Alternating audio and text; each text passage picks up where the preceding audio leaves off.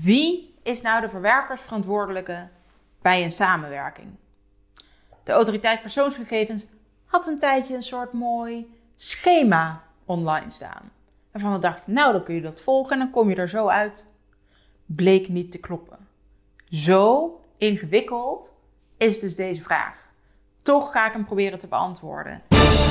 Charlotte, de social media jurist van Nederland. Wie is de verwerkersverantwoordelijke?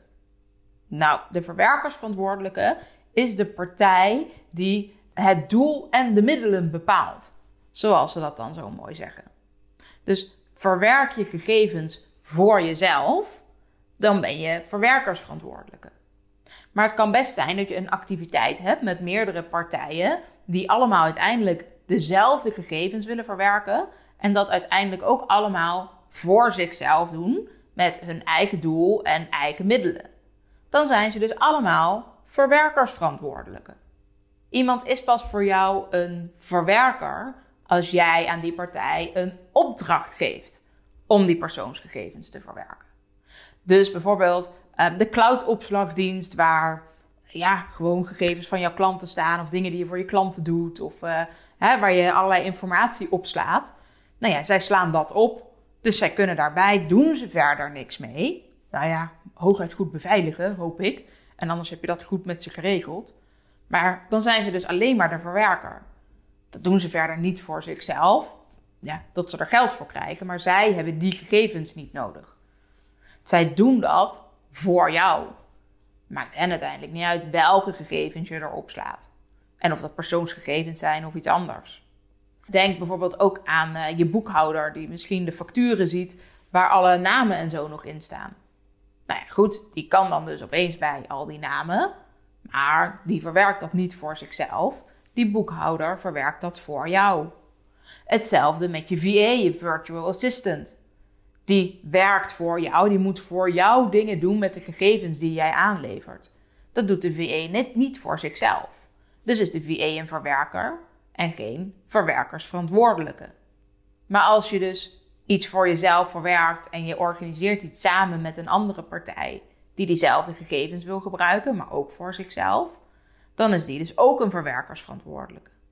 Dat betekent dus ook dat jullie allebei moeten zorgen voor een privacyverklaring voor de betrokkenen, de mensen van wie de persoonsgegevens zijn, zodat zij ook weten dat jullie allebei verwerkersverantwoordelijke zijn en jullie allebei die gegevens verwerken.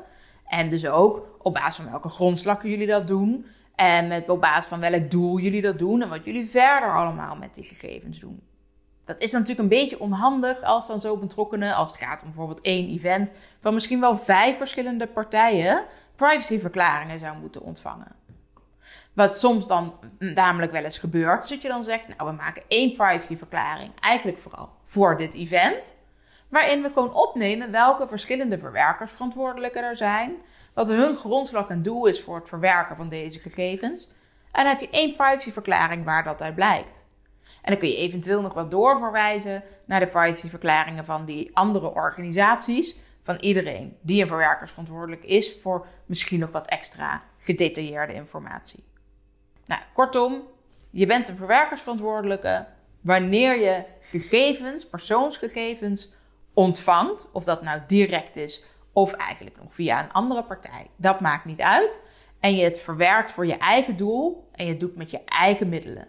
En het dus allemaal voor jezelf doet en niet ten behoeve van een ander. Of niet alleen maar ten behoeve van een ander. Ik hoop dat ik zo een beetje duidelijk heb gemaakt wanneer je nou een verwerkersverantwoordelijke bent. En elke verwerkersverantwoordelijke heeft dus in elk geval een privacyverklaring nodig.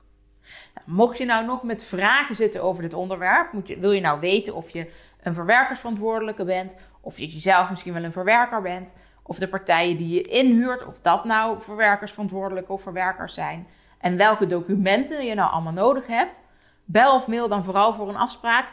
Dan gaan we er gewoon eens rustig naar kijken. Zorgen we dat weer alles gestructureerd wordt, dat je het weer begrijpt en dat je de juiste documenten hebt en niet meer beboet kunt worden door de autoriteit persoonsgegevens.